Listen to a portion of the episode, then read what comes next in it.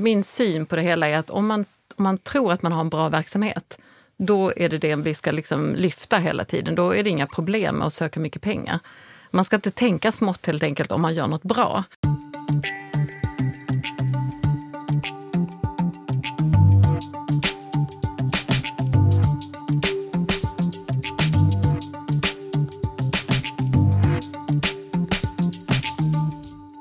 Henrik, Ted! Man blir ju nästan lite rörd av att se dig här i poddstudion tillsammans med mig. Ja, men detsamma. För den här våren har ju inte liknat någonting annat vi har upplevt. Det måste man ju ändå säga.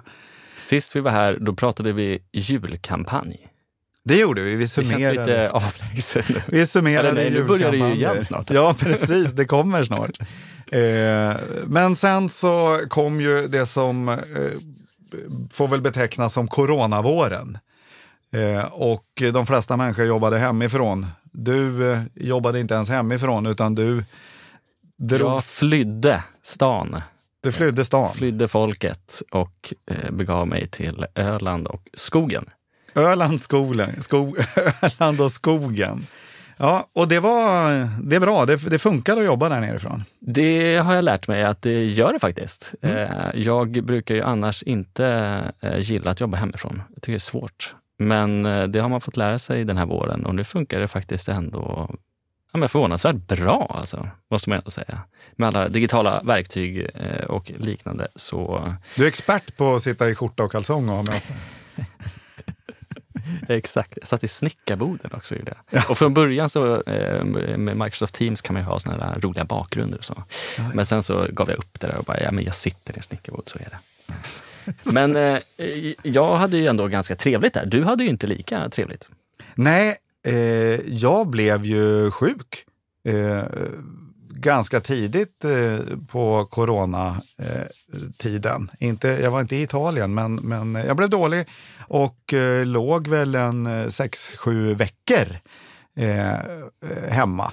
Eh, och eh, jag är ju inte tillbaka i den form som jag har varit. Jag springer inte milen på en timme utan jag eh, andas som en 92-årig gubbe efter att jag gått upp för en uppförsbacke och sådär. Men eh, jag är frisk och tillbaka och tycker att livet är, är jätteroligt igen. Det är ju ändå härligt. Mm. Så jag, min coronavår, den, den blev verkligen en coronavår. Verkligen. Mm. Och nu ska vi då gå in i en coronahöst. Ja, eh, i det som Anders Tegnell säger är kanske det nya normala. Är Just det det? Är det, är det det här som är det nya normala? En del jobbar hemma, en del jobbar på jobb och en del åker kommunalt och andra åker inte kommunalt. Då. En del är permitterade och andra inte. Ja, precis. Det. Vi får se vad, vad den här våren kommer, eller hösten kommer att, att ge helt enkelt. Vad som är klart är däremot att, att vi kör en tredje säsong av Insamlingspodden. Och det känns ju fantastiskt. Ja, det är jätteroligt. Verkligen. Och vi tar eh, avstamp idag i eh, insamlingsforum som var här alldeles nyligen. Ja, Vi har ju skaffat oss någon form av tradition. Det är ändå stort att kunna säga det vad gäller insamlingspodden. Vi har ändå inne, som vi sa på tredje, tredje säsongen, att eh, intervjua årets insamlare mm. och eh, vi har ju befunnit oss på plats tidigare.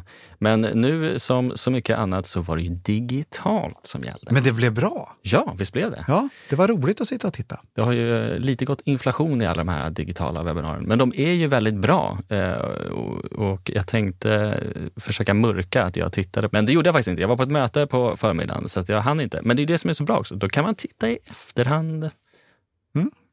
Eh, spännande. Men, och då, vinnare där, det blev ju som årets eh, insamlare organisation, blev eh, organisationen Mind. Och eh, det var ju väldigt roligt. Eh, och vi fick snabbt tag på generalsekreteraren Karin Schultz som vi har bjudit hit.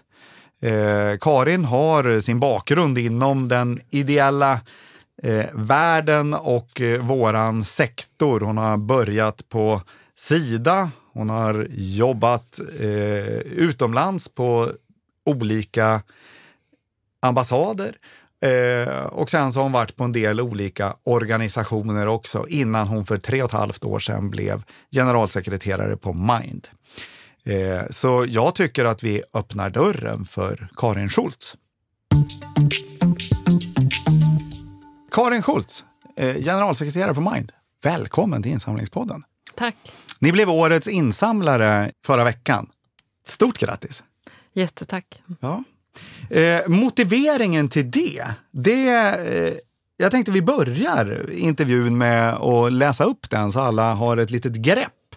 Och då står det att med avstamp i en tydlig vision att öppna en nationell stödlinje för att förebygga självmord startade Mind år 2014 ett strategiskt arbete med att bygga upp sin insamlingsverksamhet. Sedan dess har resan gått i en rasande fart och 2019 kom att bli ett rekordår. Genom att lägga stor kraft på att öka kännedomen, vidareutveckla befintliga insamlingsmetoder och ständigt testa nytt har Mind mellan åren 2015 och 2019 ökat sina intäkter med 369 procent. Från 6,4 till 30 miljoner kronor. Mind har därmed bevisat att det med en tydlig strategi och fokus är möjligt, även för en liten organisation, att bli en insamlingsaktör att räkna med. Blibom. Bang! Grattis! hade vi haft någon annan klippare än mig hade vi lagt in en maffig applåd där, men nu blev det en liten blygsam sån. Men grattis! Mm, tack! Nej, det känns fantastiskt roligt att ha vunnit det priset. Det är viktigt att, fira framgångar och det, när man är mitt uppe i allt arbete så, så är det ibland svårt att sätta fokus på, på just firandet. Men det här ger oss en, ja, en möjlighet att faktiskt eh, lyfta blicken och se allt vad vi har åstadkommit de senaste åren. Och det är ju viktigt det där, det är som du säger, det kanske är, det känns som att det är lite så i vår bransch, att just att fira är någonting vi är ganska dåliga på. Mm, och det är väl också lite så resursbrist, att vi alla vi, vi ideella tror jag lever under en, en ja, permanent resursbrist. Vi har inte luft i organisationen att, att eh, ja, till exempel lyfta blicken, utan vi är väldigt upptagna med att göra, skapa verksamhet. Och då, då blir det lite så att då, då prioriterar man bort sådana saker och det är ju egentligen fel. Det borde vi göra oftare. Om du bara ska sätta in Mind i, i eh, ett sammanhang, hur låter hisspresentationen för Mind? Vad är det för en organisation för den som inte känner till det riktigt? Men vi är den främsta organisationen vad det gäller att främja psykisk hälsa, det breda greppet kring psykisk eh, hälsa. Och vi ger medmänskligt stöd, vi sprider kunskap och vi bildar opinion kring psykisk hälsa. Du kom in för, vad sa vi, tre och ett halvt år sedan på Mind. Eh, och jag hörde dig på ditt seminarium där på insamlingsforum också, eh, där du sa att du var anställd nummer sju. Och idag var ni, vad sa du, 30, 36? Mm. Så det har ju hänt otroligt mycket förstår man på, på de där åren. Jag känner igen mig själv lite grann. Jag jobbar på Operation Smile och var anställd nummer ja, sex eller sju också tror jag. Nu är vi inte eh, 36 men vi är 24 tror jag. Eh, och vi är en ganska ung organisation. Vi startade 2010, så man får ju lite känslan av att ni också är en ung organisation. Men det är ni ju inte alls. Nej, verkligen Berätta. inte. Vi är en 90-årig organisation nästa år. Så att vi har ju ett eh, gediget arv att bära på. Det, det, har jag känt som viktigt redan när jag började, att lära känna Mind utifrån den historia som vi har. Så att, vi ändå, så att man känner igen Mind. Eh, så det, det känner jag är viktigt. Eh, och att de sakerna som Mind har stått för egentligen under hela, hela alla de här 90 åren finns kvar. Och det, det, känns som att det finns kvar mycket av det som, som har varit både Minds värderingar men också grundpelare i verksamheten finns kvar. Men vad är det då som har hänt såklart, det blir den naturliga frågan, när ni har då typ femdubblat era eh, insamling här på, på fem år? Ja, det, det, där är ju inte, ett, det är inte så lätt att svara på, men vi, man kan ju spekulera kring vad det handlar om. Dels är ju psykisk hälsa en viktig fråga i samhället. Det känns som att det har fått en större synlighet eh, generellt. Eh, och det kan ju bidra till att vi också har blivit mer relevanta utifrån ett samhällsperspektiv. Men jag tänker kanske om vad som har hänt sen jag kom in är också att, att eh, jag tror vi har vågat tänka större. Att vi har sökt större bidrag. Eh, jag tänker att, eller min syn på det hela är att om man, om man tror att man har en bra verksamhet, då är det det vi ska liksom lyfta hela tiden. Då är det inga problem med att söka mycket pengar. Man ska inte tänka smått helt enkelt om man gör något bra. Så att det som jag kanske förde in var, var det här modet att våga tänka större. Att jag menar, är självmordslinjen bra eller inte? Ja, men då kan vi inte söka en och en halv miljon. Då måste vi söka fem miljoner. Att tänka hela tiden utifrån den verksamhet man har och den kvalitet som den verksamheten har. Så, så det, det är ett, ett eh, svar, att vi, att vi har tänkt större. Men sen är det också att vi har byggt verksamheten successivt, att också se till att den har växt. Där behöver man också tänka stort, att, eh, att man tänker att om vi ser att behovet är jättestort och vi kan inte svara på alla samtal, då måste man ju tänka hur kan vi svara på fler samtal? Vi måste liksom växla upp. Och jag tror min min erfarenhet, i, i, jag tror att min roll i de flesta sammanhang har varit det här att, att skala upp verksamheter. Hur, om man har en bra idé, hur kan man göra en uppskalning? Så jag är väldigt tränad i att tänka på det sättet. Jag tror att det också har bidragit, att vi då har etablerat lokalavdelningar till exempel, det fanns inte innan som gjorde att vi kunde utöka volontärbasen mycket snabbare. Eh, så att, eh, så att vi kunde liksom växa, att Självmordslinjen kunde ta emot fler samtal. Så att det gäller att, eh, ja, om man tror på, på, på, det man gör, att man också säkerställer att man får mer resurser till det. Det tror jag egentligen är den, eh, en av de viktigaste sakerna som har gjort till, att den, till den här ökningen av intäkter. Men var det en del av ditt uppdrag från styrelsen när du kom in, att det här modet att våga tänka stort, eller var det något du själv tillförde när du tog dig an tjänsten? Ja, alltså det, jag, jag, tror det är både och. Det var både eh, ett uppdrag men också en erfarenhet. Eh, och jag tror att man valde mig eh, utifrån den erfarenhet som jag har. Att bygga verksamhet är ju mitt, mitt, hu, min huvudkompetens är att bygga och utveckla verksamheter. Jag har jobbat mycket som konsult i förändringsarbete och ledarskap. Så att jag har ju det är den erfarenheten jag har. Eh, och jag trodde egentligen inte att jag skulle få det här jobbet för att jag tänkte, jag är ju inte psykolog och Alltså jag har väldigt, ingen professionell erfarenhet av psykisk hälsa så jag blev ganska överraskad när jag fick jobbet. Men det var nog den här lite, jag är så social entreprenör kan man säga. Att det är det som har varit min profil hela tiden. Ehm, att på något sätt, hur, om man ser en utmaning i samhället, eh, hur kan man, hur kan man skapa ett projekt som, som löser utmaningen eller liksom problemet som vi har? Och hur kan man göra det på ett hållbart, långsiktigt sätt som man gärna kan skala upp?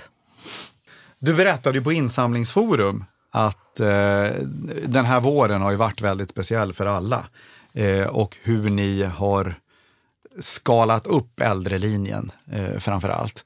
Eh, hur, eh, hur gjorde ni det? För alla de som inte lyssnade där kan du berätta här i insamlingspodden. Hur, hur, hur har ni tagit er an den här våren helt enkelt?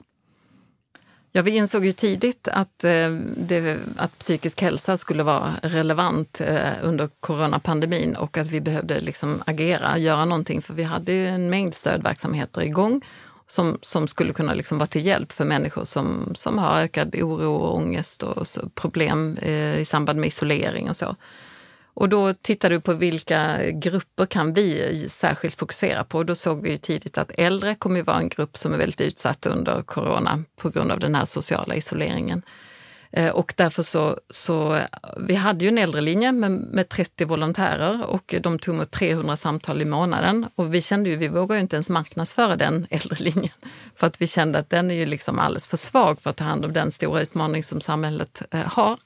Och då, eh, det, det, var, vi hade, det handlade egentligen om att vi hade ett koncept. För jag hade på nyårsdagen hade jag gästspelat i Självmordslinjen. Och då, då, skrev jag ett inlägg där jag liksom kallade mig själv som för gästvolontär i Självmordslinjen. Eh, att jag gästspelade liksom. Och det tycker jag är viktigt att jag gör som generalsekreterare, att jag känner till eh, verksamheten. Så jag skrev om det på Facebook och då var det flera som hakade på och sa jag vill också vara gästvolontär. Och då pratade vi om det konceptet. Vem kan vara gästvolontär i stödverksamheter? Ja, men det är ju de som har erfarenhet av samtal, de som är psykologer och som inte behöver någon liksom, utbildningsinsats för att kunna vara med och bara för att för att eh, det är viktigt att sprida kännedom om Självmordslinjen. Så vi hade ett koncept. Så då, då, när vi sa att vi skulle utöka äldrelinjen, då, då tänkte vi på det, men vi har ju det här liksom konceptet gästvolontär. Så då använde vi det. Och så, så, startade vi en kampanj via sociala medier där vi, där vi frågade eh, efter gästvolontär. Vill du bli gästvolontär i, själv, i äldrelinjen? Och då fick vi jättemånga svar. Vi behövde stänga den här anmäl anmälningen efter 800 svar för vi kunde inte hantera den mängd som kom. Och, eh, och då hade ju alla erfarenhet. Det var psykologstudenter eller eh, de som jobbade som coacher och psykologer och så där, som hade lite frigjord tid som kunde engagera sig i äldrelinjen. Så det, det var vår första eh, åtgärd och vi kunde öppna redan första april. Så det är ju, vi, vi jobbade väldigt snabbt där. Eh, och det är tack vare volontärkraft helt enkelt och såklart anställda, men att det fanns volontärer som kunde hoppa in och intervjua och, och sätta sig och registrera och introducera de här nya gästvolontärerna så kunde vi då också utöka öppettiderna eh, tillsammans med det. Och då hade vi helt plötsligt många fler volontärer kunde ta emot 3000 samtal istället för 300 i månaden. Så det var eh, vad vi gjorde. Det var vad ni gjorde. Eh, hur gick det med pengar till det då? Eh, nu, eh, det ni fick priset för var, var 2019, men eh, den här våren är ju som sagt var speciell. Och, eh, hur har det gått för att eh, finansiera det helt enkelt? den här utökningen? Ja, vi fick ju sen, vi, det, eh, vi, vi eh, gjorde ju det på eget bevåg utan finansiering först. Och, men det är också lite grann det där, om man har en bra verksamhet och vi tror på den, vi behövs, vi tycker den är bra, vi kan leverera eh, bra samtal och vi vet att de hjälper, då löser finansieringen sig. Så, så tänkte vi. Så att, eh, sen fanns det ju medel att söka från olika eh, håll och vi fick eh, totalt fem miljoner extra under våren då som vi kunde lägga på äldrelinjen. Så att det, det blev finansiering sen i efterhand. Men, eh, och det har ju då också gjort att vi nu kan anställa personer som kan jobba systematiskt med att ta hand om de här volontärerna. För det är ju, när man gör en sån kraftsamling så ja, det går ju bra i början men de behöver ju också handledning och uppföljning och stöd och allt det där. Och det jobbar vi med nu då för att kunna tillhandahålla eh, på sikt. För att det är klart att eh, ja, vi, den här pandemin fortsätter ju ända ett tag till eh, vad, vad vi förstår och då behöver ju de gästspela längre än vad vi hade tänkt i alla fall. Så då behöver vi liksom upprätta fler rutiner och det gör vi nu. Men det är otroligt häftigt, som du säger, hur snabba ni ändå var på, på bollen och, och startade igång redan mm. i april. För det är mycket som ska till, eh, både tekniskt och volontärer och, och allt sånt. Liksom. Hur, hur jobbar ni rent organisatoriskt med, med verksamheten? Och, och, det är lätt att man kanske hamnar i att man ser att det här är vägen fram. Men det gäller ju också att kunna vara snabb på, på bollen så att säga. Jag tror egentligen det är för att vi har en ganska platt organisation. Alltså att vi har, jag har undvikit att bygga hierarkier i organisationen. så att vi Eh, ja, vi, vi försöker jobba ganska liksom uppgiftsorienterat istället för att ha en massa besluts, formella beslutsvägar. Eh, även om det finns de som är ansvariga. Men, men det gick till så där egentligen att jag drömde faktiskt om det här med äldrelinjen. Att jag, jag fick en Du vision. lever ditt arbete. alltså jag kommer på väldigt många bra lösningar när jag sover. Men jag... Så nu tar vi lite sovpaus här. Men att, eh, ja i alla fall, det var faktiskt så att jag vaknade och eh, kände bara nej, nu måste vi göra någonting snabbt. Och vi har ju då 30 volontärer i äldrelinjen och det, det var lite så här ångestskapande för jag kände att vi behöver göra någonting. Och då fick jag en så vision, vi behöver 300 volontärer. Vi kan inte ha 30, vi behöver 300. Och så pratade jag med Johanna som är, var chef för stöd, stödverksamheten och sa, men Johanna, vi, vad, vad, säger du om vi skulle liksom ha 300 volontärer istället för 30? Och då, hon bara var helt tyst. Hon tyckte det var liksom, vi brukar ju få in 10 om året så att det där liksom att skala upp till 300, det var ju liksom, kändes ju helt omöjligt. Men det var då det här konceptet gästvolontär, eh, när jag liksom hade, det hade liksom, den, jag kopplade ihop, ja, men om vi tänker att de gästspelar, om de är färdiga, vi kortar ner rekryteringsprocessen och sådär. Så, men, så jag tror att, att vi, ehm, Det har, har varit en platt organisation där vi liksom jobbar ganska uppgiftsorienterat. Vi har, ja, men då ska vi lösa den här uppgiften, då har vi särskilda möten kring uppgiften och så är vi en liten grupp som jobbar med det. Och, eh, Johanna Nordin som var ansvarig, hon gjorde ett lysande jobb med att organisera upp och engagera volontärer som, som skulle kunna liksom, ja, jobba med att, att eh, faktiskt sätta det här i verket. Och det, det engagemang är ju en annan grej. Alla är engagerade. Det gör ju också att man blir snabb, att man inte drar. Man känner att det här är ett behov som finns. Vi kan lösa det här, liksom, den utmaningen med det vi kan tillhandahålla och då vill vi alla liksom hjälpa till. Så vi, är, vi har mycket engagemang i organisationen. Du kallar dig själv för en social entreprenör och det, det, det verkar som att du lever upp till det. Det känns ju väldigt eh, entreprenörsdrivet med det tänket att eh, se behovet och skapa en lösning och sen så får pengarna komma efter det. Var kommer det ifrån? Entreprenörsandan i dig? Ja, du, du är från Skåne? Jag är Skåne. med dig från? Ja, jag vet inte faktiskt. Jag har så här... Jag, jag, jag, kanske kommer från en familj. Min, min mamma har startat ett bolag och min mormor och morfar var bönder. Och liksom, det här att man, man, ja, man, man eh, tar ansvar för, för problemen som man har omkring sig och gör något åt det. Det kanske är så. Jag vet inte att det har vuxit upp med det. Men jag tycker att det, det Sen tror jag också min erfarenhet av att faktiskt se att man kan göra skillnad. Jag har blivit stärkt av det. för att ja, min, Mitt första arbete nästan på Sida var att jag jobbade på ambassaden i Nicaragua och fick 90 miljoner som jag bara skulle ja, fördela på, på jättebra projekt inom demokrati och mänskliga rättigheter. Som jag bara behövde skapa själv som, och hitta på. Eh, och jag var jätteny, typ 27 år och, och, och ung och oerfaren. Ja, jag satt med en whiteboard och försökte liksom kartlägga vilka viktiga funktioner har en påverkan på demokrati och mänskliga rättigheter. Och så ja, polisen, rättsväsendet och så gick jag igenom alla. Och så till slut skapade jag en portfölj och så blev det framgångsrika projekt. Så jag, jag tror att jag, det har också gett mig att en känsla av att ja, men man, det går att göra skillnad. Och jag har, liksom, jag har sett det och, och därför så har jag en, ja, en stor tro på alla, allas förmåga att faktiskt göra skillnad. Eh, jag ser inte så många hinder. Jag tror jag ser möjligheterna och, och eh, har den utgångspunkten. Härligt. Eh, vi var inne lite på corona eh, och du sa ju också i ditt seminarium att det har eh, eh, skyndat på Eh, den digitala utvecklingen för er. Berätta lite mer om det. Jag tänker det här att eh, era volontärer har möjligheten att sitta hemifrån och så vidare. Ja, nej, det har varit jätteintressant att se, för vi har ju hela tiden pratat om, om det här. Behöver alla volontärer som svarar i självmordslinjen sitta hemma eller kan de eh, eller behöver de sitta på kontoret med, mm, tillsammans eller kan de sitta hemma? Och vi har pratat om, att kanske när man har jobbat i självmordslinjen ett eller två år, då kan man, så har man så mycket erfarenhet som man kan sitta hemma. Och så. Men vi har inte vågat ta, ta det steget, att låta dem sitta hemma, för att det, det är så värdefullt att, att ändå de kan stödja varann. Men det här gav ju oss den här knuffen att eh, faktiskt hitta alternativa sätt. Ehm, och nu har, fungerar det ju jättebra. Vi har ju, Eh, vi har en internchatt där de kan eh, liksom chatta med varandra, alla volontärer. De sitter ju nu i, olika delar av landet och, kan sitta och stötta varandra och berätta lite om samtalen, hur de upplever det och, och peppa varandra och sådär. Så att vi har hittat andra sätt eh, där, ehm, där de kan få, få stöd. Sen är den här gemenskapsbiten, för den är också viktig för volontärer. Ett av syftena för många volontärer är att känna gemenskap, det är därför de är med. Och den är ju lite svårare att lösa digitalt. Ehm, så att ehm, där, ja, man får ju fortfarande komma till kontoret om man är volontär och prata. Och det är många som väljer det för att de tycker att det är skönt att träffa andra och så.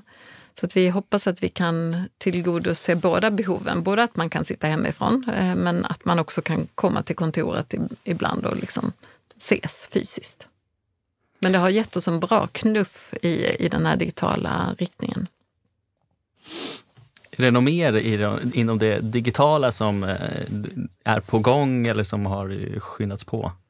Ja, massor. Det är liksom, vi har en eh, jätte, eh, jätteresa på det området att göra det här, egentligen inom allt. För att vi tänker att eh, när jag började så hade Mind så öppna utbildningar inom massa områden, så kom 30 personer och så ja, och jag har ju ett sånt liksom uppskalningstänk. Jag tänker att vi måste nå ut till fler. Vi kan inte bara nå 30, vi måste nå 3000 typ.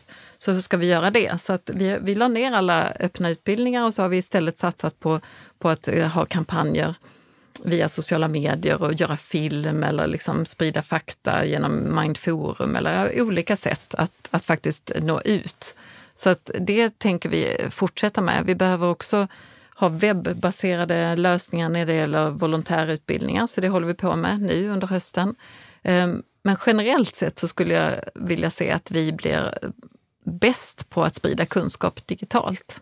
Men vi är inte där än, men vi har precis börjat den resan. Vi, vi, um... Ni har ju ett spännande samarbete med Facebook.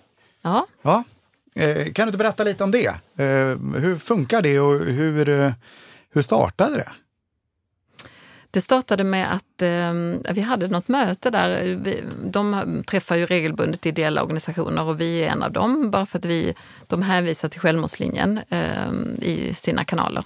Och eh, då var vi där på ett möte och ehm, då i den vevan så hade vi tänkt att vi skulle göra ett, ehm, en kunskapsöversikt, en rapport om ungas psykiska hälsa. Och ehm, då frågade jag bara dem om de var villiga att stötta den rapporten eller eh, tillblivelsen av den rapporten som vi skulle göra. Eh, så det var ju egentligen ett, eh, alltså en impuls bara som jag hade på det mötet. Och sen fick jag ju ganska mycket, eh,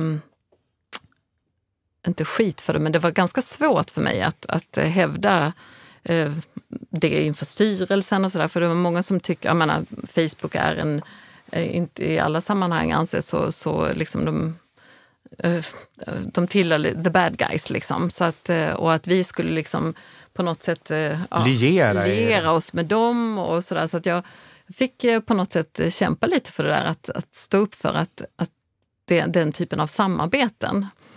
Men där var ju hela, vi hade ett avtal och det var väldigt viktigt för både mig och dem att de inte alls la sig i innehållet, men de finansierade eh, forskarresurserna som vi behövde för att göra den här kunskapsöversikten. Så att eh, det gick jättebra. De la inte sig i alls eh, innehållet och jag försökte liksom, jag höll det så som jag hade tänkt. Eh, eller förlåt, nu var det fel eh, rapport. Jag menar digitala medias ehm, påverkan på ungas eh, psykiska hälsa. Eh, men de, de möjliggjorde den genom att vi kunde då anlita eh, forskare som gjorde den och eh, även liksom finansiera layouten och så. Och, och de ville ju, på något sätt så var det ju, min tanke är ju att om man ska, och det tror jag hänger ihop med mitt tidigare jobb, att om om, när jag var generalsekreterare för Det naturliga steget så jobbade vi mycket med företag och vi skulle liksom få in hållbarhetstänket i deras verksamhet. Och då kan man inte bara jobba med the good guys. Man kan inte bara tänka att nu ska jag bara jobba med de som gör allting rätt och har bara rena produkter. Och liksom, det är inte dem man vill prata med. Man vill prata med de som har en, en reell hållbarhetsutmaning. Så, jag är då så att van... det märks någonting? Ja, ja alltså man kan förändra någonting. Man vill ju ha en effekt. Då hjälper det inte bara att prata med de som är rena redan. Så jag är liksom, det är mitt tänk från början. Så att, att prata med Facebook är jätteviktigt så att vi får fram våra frågor och, och att de liksom faktiskt främjar barn och ungas psykiska välbefinnande och tänker in det. Och det, det, här samarbetet har ju då lett till att vi har haft eh, jätteintressanta samtal med deras forskare. Vi har liksom ständigt en dialog eh, av, om, om, alla möjliga saker nu egentligen. Så vi har mer utvecklat ett strategiskt partnerskap där vi faktiskt diskuterar sånt som är viktigt för eh, psykisk hälsa. Sen får man ju hela tiden tänka in vad de har för intressen och det har, det har de ju som ett företag. Men jag tänker att det är mycket bättre att ha en dialog med dem än att eh, inte ha det. Det är ett jättespännande samarbete. Mm. Om man tittar på insamlingen då från eh, förra året som ni då vann det här fina priset eh, för, så Eh, är det ju ändå ganska jämnt fördelat alltså mellan de olika målgrupperna, allmänhet, företag, stiftelser, stat, landsting, kommun. Det är ganska jämnt fördelat mellan de här, vilket är ganska unikt inom våra bransch. Ofta så är det något ben man brukar stå på eh, mycket mer. Eh, hur ser du framtiden för Mind insamlingsmässigt? Vilka intäktskällor kommer du att satsa på längre fram? Ehm, ja, men jag tycker det är viktigt. Vi har ju haft den ambitionen att det ska finnas en bredd, att vi inte ska vara så beroende av någon eh, intäktskälla. Eh, men det som vi har satsat på de senaste åren har ju varit mycket privatpersoner och företag, för det har vi haft ganska väldigt lite när jag började. Så det var vår satsning de senaste åren. Men jag tänker framöver så kom, hoppas jag att vi kommer att eh, få mer offentliga medel, för jag tycker att eh, vi har så stora verksamheter nu, som Självmordslinjen är en så stor verksamhet med så många anställda och den uppfyller en så viktig samhällsfunktion. Så jag förväntar mig egentligen att, att, att staten går in och finansierar i alla fall 50 procent av den verksamheten. Eh, för det, det, känns liksom inte rimligt att kunna upprätthålla en långsiktig verksamhet med hög kvalitet som har en så viktig samhällsfunktion på något annat sätt. Ehm, för det, ja, nu söker vi pengar varje år och vi har ju som ganska många anställda i själv, Självmordslinjen. Det känns, det känns inte bra att inte kunna ge liksom, bra arbetsvillkor och, och stabilitet för en sån tung verksamhet. Och, Så det och, tänker jag. Och där eh, har ju du ganska bra kontakter numera i och med att du blivit intervjuad av Löfven och Levin. Just det. Det var lite speciellt. Ja, berätta. Ja, när de bara ringde och, och, och, ville, ville ha ett litet samtal om äldrefrågor och, och att vi hade utökat kapaciteten i äldrelinjen. Så det kändes ju kul att de uppmärksammade då att vi fick eh, ge röst. Så då var, var vi, vi var tre från Mind, jag, en volontär i äldrelinjen och Johanna då, så Nordin som var ansvarig för äldrelinjen som, som pratade med, med dem. Mm. Pratade ni även om det här då, alltså statligt stöd och vikten av det? Lite grann eh, i slutet så gjorde vi det. Men ehm, det där, jag, jag, försöker, och har egentligen gjort hela tiden, att inte bara prata om det, alltså prata mer om vad vi gör än att vi behöver pengar. Eh, så att jag eh, ogillar debattartiklar som bara går ut på att vi behöver mer pengar. Utan jag tycker det är liksom viktigt att lyfta varför vi behöver pengar och så kommer det där med pengarna bli naturligt sen när man liksom berättar vad man ska göra eller vad som behöver ske. Mm. Men du fick inget handslag där då? Eller handslag, nu är det coronatider, nu är det en armbåge. Nej, men jag måste säga att eh, regeringen har visat jättestor handlingskraft. På, alltså nu kan jag inte säga att det är tack vare att vi har jobbat opinionsbildande, men, men många av de här sakerna som vi har drivit, en långsiktig strategi för suicidprevention och psykisk ohälsa, mer resurser, långsiktiga medel har vi också liksom, eh, blivit utlovade nu. Så att det finns många av, de här, många av de här frågorna som vi har lyft till regeringen har faktiskt uppmärksammats och, och blivit av. De granskar ju nu också regeringens, eller Riksrevisionen granskar ju nu också hur, hur regeringen har skött det här med eh, suicidprevention de senaste åren. Och det ser vi också fram emot. Det är också en sån sak som vi har lyft. Så att det, jag tycker ändå att eh, jag upplever att vi får gehör eh, ändå för de frågorna. Och, och det här samtalet med Levin och Löfven var ju eh, faktiskt också, eh, de, de lyssnade ju på oss. Ehm, det känns eh, viktigt att de vet att vi finns och att de kan fråga oss eh, om vad vi tycker om olika saker om det behövs. Eh, om man tittar på det du sa, eh, växt, så var det privat och på eh, företagssidan. Företagssidan, där startade ni för bara något år sedan ett arbete va? Mm. Eh, och då låg ni på 300 000 och nu har ni ökat det med 400 procent eller något sånt där. Eh, hur startade ni det arbetet? Eh, hur, hur gick det till? Liksom? Eh, tittade ni på vad ni hade själva eller tittade ni på företag som ni ville börja arbeta med? Eller hur, hur gjorde ni för att dra igång ett sånt arbete? Vi började med att titta på, på att e-, erbjudandet, alltså försöka skapa olika företagspaket. Så det, vi tittade lite grann på vad gör andra och hur skulle man kunna liksom samverka, samverka med oss?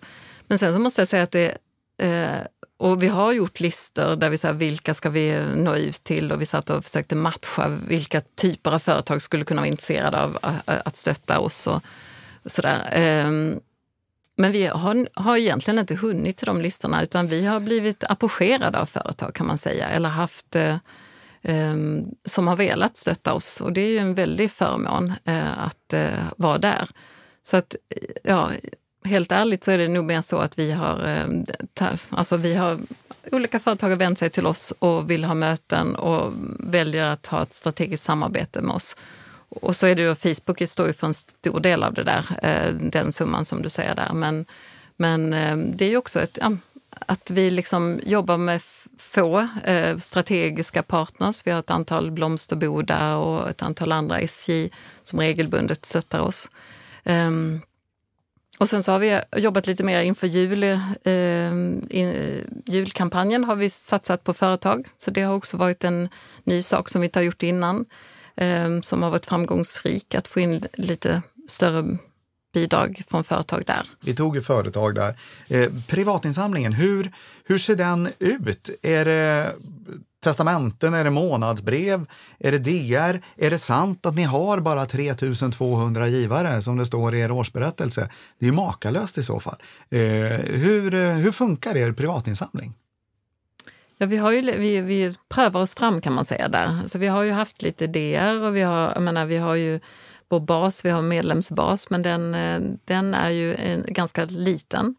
Ehm, så att vi, och vi har kampanjer som vi kör via sociala medier.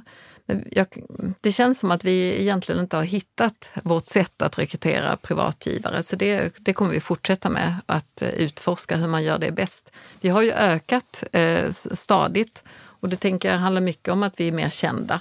Eh, så, som gör att man liksom vet vem vi är om man ser en eh, annons på Facebook. Så där. Men, men vi eh, har ju traditionellt sett så de som har gett stöd till Mind är, är de som, inom, eh, som är psykologer eller som jobbar med frågan. Det har varit mer yrkesverksamma inom psykiatrin och, och så som har stött oss eh, historiskt. Eh, och nu så har vi liksom gjort ett skifte egentligen. Vi är mycket yngre eh, givare och vi försöker liksom nå fler andra målgrupper. Så det, men det är ett arbete som pågår kan man säga. Att det, vi, är inte, vi är inte hemma där än. Vi har inte lyckats eh, eh, vi har lyckats jättebra, men vi vill fortsätta att göra de här, liksom identifiera olika potentiella givare och göra liksom, eh, olika Ja, det känns ju som det finns en, en stor potential där. Mm. Eh, likväl som eh, stat och kommun och eh, regioner som vi pratade om tidigare. Men när du säger unga givare, vad, vad definierar du som en ung givare? Alltså vi har ju haft 60-plussare innan, så allt som är yngre än 60 ja. är ungt i det här sammanhanget. Ja, då tänker vi lika i den ja. vi kommer lite... aldrig bli gamla. Nej. Jo, jag funderade insamlingsmässigt, eller så här, jag jobbar på Operation Smile. Vår kommunikation och, eh, eh, handlar ju om att samla in pengar. Alltså, är man på vår hemsida så, så är det klart att vi pratar utifrån behovet, men den besökaren som är på hemsidan vill vi ska ge en gåva. Det är därför man är där.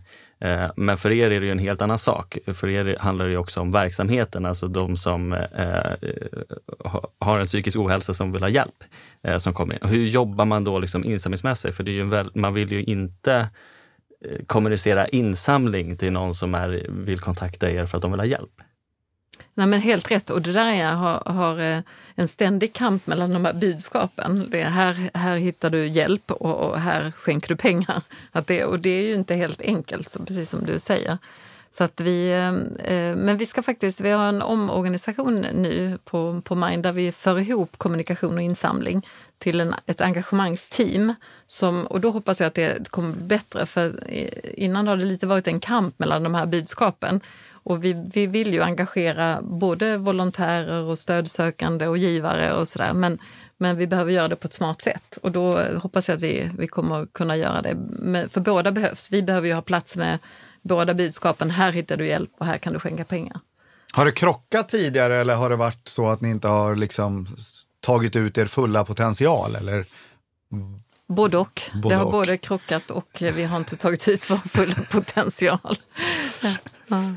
Och eh, om man tittar framåt, ni håller ju på att rekrytera nu eh, och du är ju som sagt entreprenörsdriven och vill hitta på eh, spännande projekt framåt. Vad, vad, om du får blicka framåt några år? Några år. Alltså, det är som att Mind hinner före mig hela tiden. Jag hinner liksom inte riktigt visionera fram allt. För det går du väntar på fort. den där drömmen. Nej, men, det, men det, jag, är, jag brukar ju ligga ganska mycket på framkant men jag känner att Mind är en, en figur som har eh, överträffat mig. men, men eh, så många år känns lite eh, långt. Men jag tänker att vi, vi har ju verkligen inte nått vår fulla potential. Jag känner att vi har otroligt mycket mer att ge, både vad det gäller medmänskliga stödet som, som egentligen har vi bara byggt upp en väldigt liksom, bra plattform för att kunna skala upp det. Ehm, och därför behövs ju också insamlingen, att den behöver liksom hänga med, att den också kan finansiera den, den verksamheten som, som vi har ehm, förmåga att, att leverera ehm, om vi har resurserna. Så det, jag tänker att vi absolut har en massa spännande framför oss. Sen är frågan hur man ska göra det och jag skulle också vilja att vi tänker lite nytt där för att om man tänker vad är det som har våra största framgångar de senaste eh, eh åren? Det är inte, har inte varit så lätt att visionera fram till exempel Facebook. Det är inte så det har varit en jätteviktig samarbetspartner eh, och det, det var svårt att föreställa sig. Tim Berglings stiftelse som kom in med ett jättestort stöd. Vi får 10 miljoner per år under tre år. Och de sökte upp oss eh, utan att vi hade skickat någon ansökan. Det är inte heller lätt att tänka ut innan. Så det är mycket, alltså, ja, jag tror på en kombination av att ha en tydlig riktning. Vi, vi vill ju verkligen vara den främsta organisationen för psykisk hälsa i Sverige. Vi vill vara tankeledare inom området. Vi vill vara den främsta kunskapskällan inom området och vi vill vara eh, väldigt vassa på, på, på att eh, förmedla kunskap och vara liksom nytänkande i det. Eh, och då krävs en hel del digital utveckling av både internt och liksom i allt vi gör. Det är väl liksom i korthet det som jag skulle vilja eh, göra. Men huret är inte helt enkelt. Det har jag inte riktigt klart för mig än för att jag har lärt mig att det, det handlar mycket om att vara öppen eh, för möjligheter som kommer och se, se potentialen i kontakter och så som man, som man eh, får och ta vara på dem. Så att ehm, ja, jag tror på en kombination av, jag menar att, att vi har en riktning är jätteviktigt att ha, men att eh, inte vara så fast i huret utan eh, vad vi har lärt oss är att det har liksom, möjligheter har ju uppdagats längs vägen och det gäller att ta, ta vara på dem. De, de har ju egentligen varit de viktigaste för oss de senaste åren. Sjutton vad härligt det låter. Eh, yeah.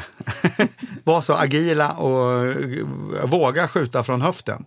Ofta brukar ju det, eh, när man ser hos våra organisationer, det är, det är enkelt att göra när man kanske är sju, tio personer, men när man sen drar iväg så då, då, då blir man lite automatiskt lite räddare. Men det känns inte som ni är där. Eh, spännande. Eh, nu drog du några exempel som har varit framgångsrika. Eh, men när man jobbar så här så eh, det landar ju inte alltid rätt. Eh, har du något exempel? Vi hade Elin Stråkendal från UNHCR här i förra säsongen och hon pratade om vikten både av att fira segrar men att även fira att det här gick ju inte så himla bra, då har vi lärt oss det. har du några sådana exempel på att det där prövar vi och det gick inte? Alltså, det känns lite som att det är så integrerat i sättet vi arbetar så jag vet inte om jag ens identifierar dem som misslyckanden. Att det, det är ju hela tiden att man lär sig av allt man gör. Så jag tror inte jag sätter ens eh, lablar det som liksom misslyckande. Men, men, om man säger så här, min största, eller vår största utmaning nu är ju att ta emot fler samtal i Självmordslinjen eh, och att skala upp den. Och det har vi inte lyckats med. Eh, vi har inte lyckats hitta modellen som, som möjliggör uppskalningen som vi behöver. Eh, och det är liksom något som jag går och tänker på mycket och många andra i, i vår organisation. Hur kan vi göra det? För att vi, vi eh, kan idag ta emot ungefär 7 procent av an, antal, antalet kontaktförsök i självmordslinjen. Och det, det minskar ju snarare än ökar och det beror på trycket att vi, vi har ett, eh, menar, allt fler kontaktar oss. Så det är både för att vi är mer kända men också för att äh, sannolikt fler mår dåligt. Så där, det, vi har inte lyckats med det helt enkelt. Och vi har försökt, vi har skapat lokalavdelningar, vi har anställt mer människor och sådär. Men vi behöver skruva på den här affärsmodellen eller den här liksom, eh, ja, processerna som vi har vad det gäller volontärrekrytering och, eh, och bemanning helt enkelt av eh, Ja, så det, det är väl eh, ett sånt en utmaning som vi inte har löst helt enkelt. Mm. Spännande. Få reda på sånt också. Annars mm. blir det liksom bara en klang och jubelpodd det här. Det, nej men jag tänker att det är, mycket, det är många saker. Det är här, jag tycker det är svårt att nå ut. Om vi har kampanjer och sådär, hur man... Att nå ut med saker är en utmaning och vi har ju målgrupper som är äldre till exempel når vi ut dem? Och nu har vi ändå lyckats bättre med äldrelinjen, men det var en stor utmaning för oss. Vi gjorde brevutskick till, till eh, äldre män på, i glesbygden. Vi tänkte att de kan behöva en, en, liksom någon att höra av sig till. Och, ja, det det var, har också varit svårt att nå ut till målgruppen äldre. Så det har vi fortfarande som, där vi inte känner egentligen att vi har lyckats eh, så bra. Nu har vi ju fått väldigt många mediainslag och det har hjälpt. Eh, så nu har vi liksom, men det finns ju utmaningar med att nå unga till exempel. Hur når man dem? De lever i ett väldigt, eh, liksom ett brus med massa ja, digitala plattformar. Hur når man ut med kunskap om psykisk hälsa till dem? Det är, eh, fortfarande har vi inte löst. Vi har gjort ett antal försök som inte har varit så, ja, inte jätteframgångsrika. Ehm, och där vi fortfarande försöker söka rätt sätt att nå ut. Så vi har många sådana exempel egentligen där vi, där vi inte har lyckats fullt ut. Mm. Mm. Spännande! Ja, nej men Karin, eh, vad roligt att ha dig eh, här hos oss. Det har varit Tack. ett jätteintressant samtal. Eh, det var kul att prata med er också. Ja men vad kul det var att ha Karin här. Verkligen. Bara att ha någon här, att vara här. Ja, Fysiskt möte. Just det där fysiska mötet och slippa Zoom och Teams och allt vad det nu heter man har suttit på under våren. Exakt. Vad fick du med dig efter det här samtalet? Hon är ju en väldig entreprenör. Det, det var väldigt kul att se eh, hur hon har jobbat så praktiskt taget sen hon började där och vilken fart hela Mind har tagit tack vare det. Absolut. Det, ja. Och det var ju det som man hade lite frågor kring innan. De har ju som sagt växt väldigt mycket insamlingsmässigt och frågan var, ja men vad, vad har de gjort med, med insamlingen då? De har ju pratat väldigt mycket om sin verksamhet och vurmat för den och hur bra den är. Och det är klart att det, det tycker ju alla vi som jobbar inom de här branschen att just vår organisation är fantastisk och driver på vårt eget arbete. Eh, men svaret när det kommer till insamlingen var ju just det här entreprenörsandan som du är inne på. Att de eh, vågar tänka större, ta ut svängarna och våga dra igång projekt som de kanske inte alltid har finansiering för. Men de ser att behovet finns och vi måste, måste göra det här. Vi måste tänka stort och då kanske också finansieringen kommer till dem lite.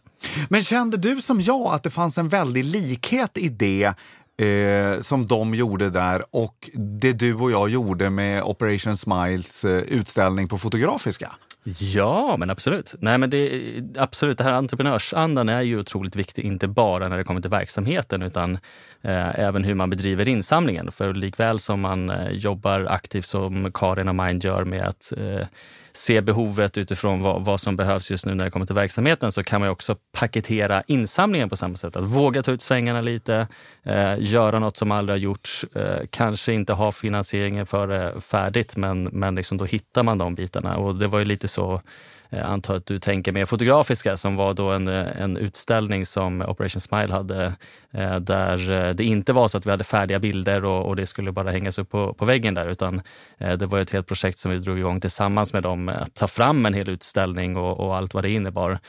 Och det var en ganska stor budget där och det fanns ju absolut ingen finansiering för det när vi drog igång utan den äran fick ju du. Ja men precis, tack. Eh, eh, och, och, på det viset lärde vi känna varandra du och jag. Och för att bara lite kort förklara vad vi gjorde där så bestämde vi oss för att det här skulle finansieras utav eh, företagspengar. Du och jag hade vår bakgrund inom sporten och byggde upp eh, hela det här som om det vore ett idrottsevenemang eh, och, och satte en sponsorstruktur därefter. Och där kunde vi börja och eh, att eh, kunna genomföra den här utställningen och att gå ut till företag på någonstans mellan en och en halv och två miljoner. Eh, det var ju, jag kommer ihåg när vi gick på våra första möten där, det var spännande och, och vi tog höjd. Det gjorde vi. Mm. Men eh, det rodde vi hem väldigt fint. Nej, men så att absolut, eh, just den här entreprenörsandan är det eh, jag tänker jag tar med mig härifrån. Att man måste fortsätta våga tänka stort, ta ut svängarna och både när det gäller verksamheten och insamling. Mm. Sen blev jag väldigt imponerad utav, och man förstod ju att eh, äldrelinjen eh, har exploderat under våren. Men just höra hur snabbfotade de var och att de kom igång redan i början på april. Det är extremt imponerande. Eh, en stor applåd för, för det. Att få ihop det både med de här nya volontärerna och rent tekniskt lösa det. Nej, det var lite rysningar på det faktiskt. Mm, snyggt. Det tar vi med oss till nästa avsnitt som eh, bjuds på vadå? Ja, nästa avsnitt utav insamlingspodden, det, då möter vi Giva Sveriges nya ordförande. Eh, ska jag våga mig på att säga vad hon heter? Eh, Paula... Paula heter hon.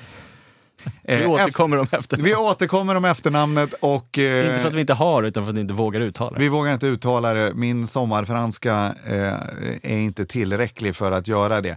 Men eh, hon dyker upp och berättar om, eh, eller vi vill fråga henne om vad hon vill satsa på och vilka visioner hon har under sin period som ordförande för Giva Sverige.